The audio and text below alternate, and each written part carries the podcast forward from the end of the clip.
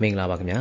လိုင်ဇာမြို့စစ်ပေးရှောင်ရက်ကွက်တိုက်ခိုက်ခံရမှုစစ်ကောင်စီညင်းဆိုစစ်ကောင်စီဒုဗိုလ်ချုပ်ကြီးနဲ့ဗိုလ်ချုပ်တို့ကိုထောင်ဒဏ်20ချမှတ်မြင်ရတဲ့မြမနွေဦးခရိုနီကယ်အောက်တိုဘာ10မြင်ကွင်းမိုးမခဆောင်းပါးကိုစတင်ဖတ်ကြားပေးပါတော့မယ် တနင်္လာနေ့ညတကောင်မတိုင်မီမှာ လက်နက်ကြီးနဲ့ ပစ်ခတ်ခြင်းခံရတယ်လို့ ယူဆရတဲ့ ပောက်ကွဲမှုတွေနဲ့အတူ ကလေးတငယ်များပြားပါဝင်တဲ့ လူ30ကျော် သေဆုံးခဲ့ရတဲ့ လိုင်ဇာမြို့ မုံလိုင်ကတ်ကြီးရွာမှာ ဖြစ်ပွားတဲ့ ပစ်ခတ်မှုကို၎င်းတို့လက်ချက်မဟုတ်ကြောင်း စစ်ကောင်စီပြောခွင့်ရသူ ဗိုလ်ချုပ်ဇော်မင်းထွန်းက ပြောဆိုလိုက်ပါတယ်။ဒီလိုညင်းဆိုမှုကို ပြည်တွင်းခြေဆိုင်သတင်းဌာနချုပ်နဲ့ နိုင်ငံတကာ သတင်းဌာနတွေဖြစ်တဲ့ BBC မြန်မာပိုင်း VOA မြန်မာပိုင်းတို့မှလည်း စစ်ကောင်စီပြောခွင့်ရသူညင်းဆိုထားတာကို ဖော်ပြနေကြတာ ဖြစ်ပါတယ်။ စစ်ကောင်စီဘက်က မုံလိုက်ခတ်ကျေးရွာကရဲသားတွေတိုက်ဆုံမှုကို KIA ရဲ့ လက်နက်ခဲယမ်းတွေ ထားရှိတဲ့ နေရာသဘောမျိုး KIA drone တိုက်ခိုက်မှုတွေ လာရလမ်းကြောင်းအဖြစ်ဆွဆွဲပြောဆိုလိုက်ပြီး တရုတ်နိုင်ငံနဲ့ နယ်နိမိတ်ချင်း ထိစပ်နေတဲ့ လိုင်ဇာလို နေရာမျိုးကိုညတကောင်ချိန် လေကြောင်းတိုက်ခိုက်တာ သို့မဟုတ် လက်နက်ကြီးနဲ့ ပစ်ခတ်တာမျိုးတွေ လုပ်ပါမလားဆိုတဲ့စံကျင်ဘက် ကောက်ချက်နဲ့ညှင်းဆိုသွားခဲ့တာလည်း ဖြစ်ပါတယ်။ အခုဖြစ်ပွားနေတဲ့လက်နက်ကြီးကြီးသို့မဟုတ်ဒရုန်းနဲ့ပစ်ချတဲ့ပုံကြောင့်တိတ်ဆုံးမှုကအားလုံးဒီပါအရက်သားတွေလို့ယူဆရတာဖြစ်ပြီးအဲ့ဒီ30ကျော်တိတ်ဆုံးရတဲ့အနက်ကလေးငယ်17ဦးပါဝင်တာလည်းဖြစ်ပါတယ်။ လက်နက်ကင်ပဋိပက္ခတွေမှာအရက်သားတွေကိုပြစ်မှတ်ထားတိုက်ခိုက်ခြင်းမလုပ်ဖို့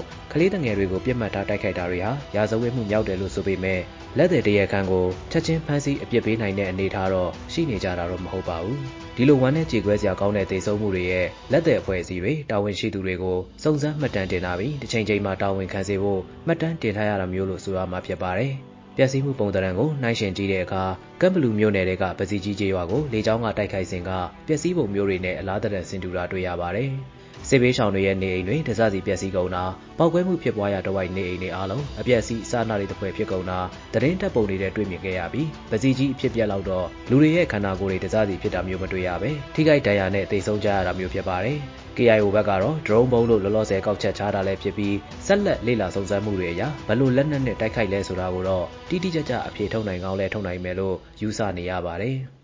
စစ်ကောင်စီပြောခွင့်ရသူရဲ့ ပြောဆိုချက်ကိုကဲခတ်ကြည့်ရင်တော့ တရုတ်နိုင်ငံနဲ့ နယ်နိမိတ်ချင်း ထိစပ်နေတဲ့ KIO ဌာနချုပ်ရှိတဲ့ ဒေသလိုမျိုးကို တိုက်ခိုက်မယ်ဆိုရင်တစ်ဖက်မှာ အိန္ဒိချင်း တရုတ်နိုင်ငံကိုတတိထားရတဲ့ အနေအထားမျိုး ရှိနေတာကိုတော့ တစိမ့်တစ်ပိုင်း ထုတ်ဖော်ပြောသွားတဲ့သဘောလဲတွေ့မြင်ရမှာ ဖြစ်ပါတယ်။တရုတ်နယ်စပ်ဒေသဖြစ်လို့ နယ်စပ်တည်ငြိမ်ရေးက စစ်ကောင်စီအဖို့တတိပြုရမယ့် အလေးထားရမယ့်သဘောလဲပြောဆိုသွားတာ ဖြစ်ပါတယ်။ ထိုင်းနိုင်ငံနယ်စပ် အိန္ဒိယနယ်စပ်တို့မှာ KNU CNF စခန်းတွေနဲ့ တိုက်ပွဲဖြစ်ပွားတာမျိုးထက်ကို တရုတ်နယ်စပ်က နယ်စပ်တည်ငြိမ်ရေးက ပိုပြီး ဂရုထားရတဲ့သဘောမျိုး ကောက်ချက်ချနိုင်တာ ဖြစ်ပါတယ်။ ဒီနေ့ဘုံနောက်အကြောင်းအရာတစ်ခုကတော့စစ်ကောင်စီကထိပ်ပိုင်းခေါင်းဆောင်ဒုဗိုလ်ချုပ်ကြီးတအုပ်နဲ့ဗိုလ်ချုပ်တအုပ်ကိုအာဏာလွဲသုံးစားလုပ်မှုနိုင်ငံတော်တစ္ဆာဖောက်ပြမှုအဂတိလိုက်စားမှုတွေနဲ့ထောင်နှစ်20စီချမှတ်လိုက်ကြောင်းအော်တိုဘာလ10ရက်နေ့နေ့စွဲနဲ့ယနေ့ညပိုင်းမှာထုတ်ပြန်ကြေညာလိုက်တာဖြစ်ပါတယ်။ဘယ်နေ့နေ့စွဲနဲ့ပြစ်ပေးမယ်ဆိုတာမျိုးဘယ်ပုံမှန်နဲ့အရေးယူမယ်ဆိုတာမျိုးကိုတော့ရှင်းရှင်းလင်းလင်းဖော်ပြထားတာမရှိကြောင်းသတိပြုမိပါတယ်။ လွန်ခဲ့တဲ့တလဝန်းကျင်မှာ ဖမ်းဆီးစစ်ဆေးနေတဲ့ဆိုတဲ့သတင်းတွေ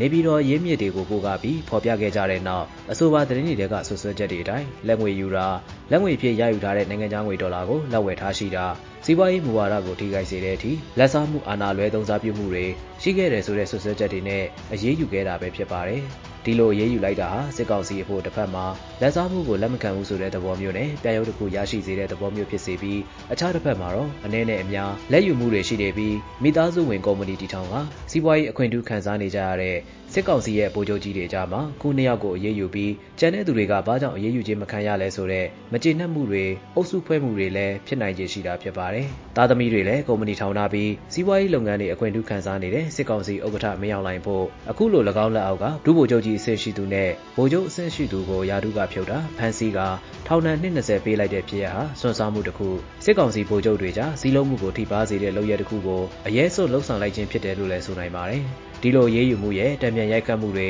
ဘာတွေဖြစ်လာနိုင်တယ်လဲဆိုတာကိုတော့ စောင့်ကြည့်ရအောင်မယ့် အနေအထားမျိုးလို့ ဆိုနိုင်ပါတယ်ခင်ဗျာ။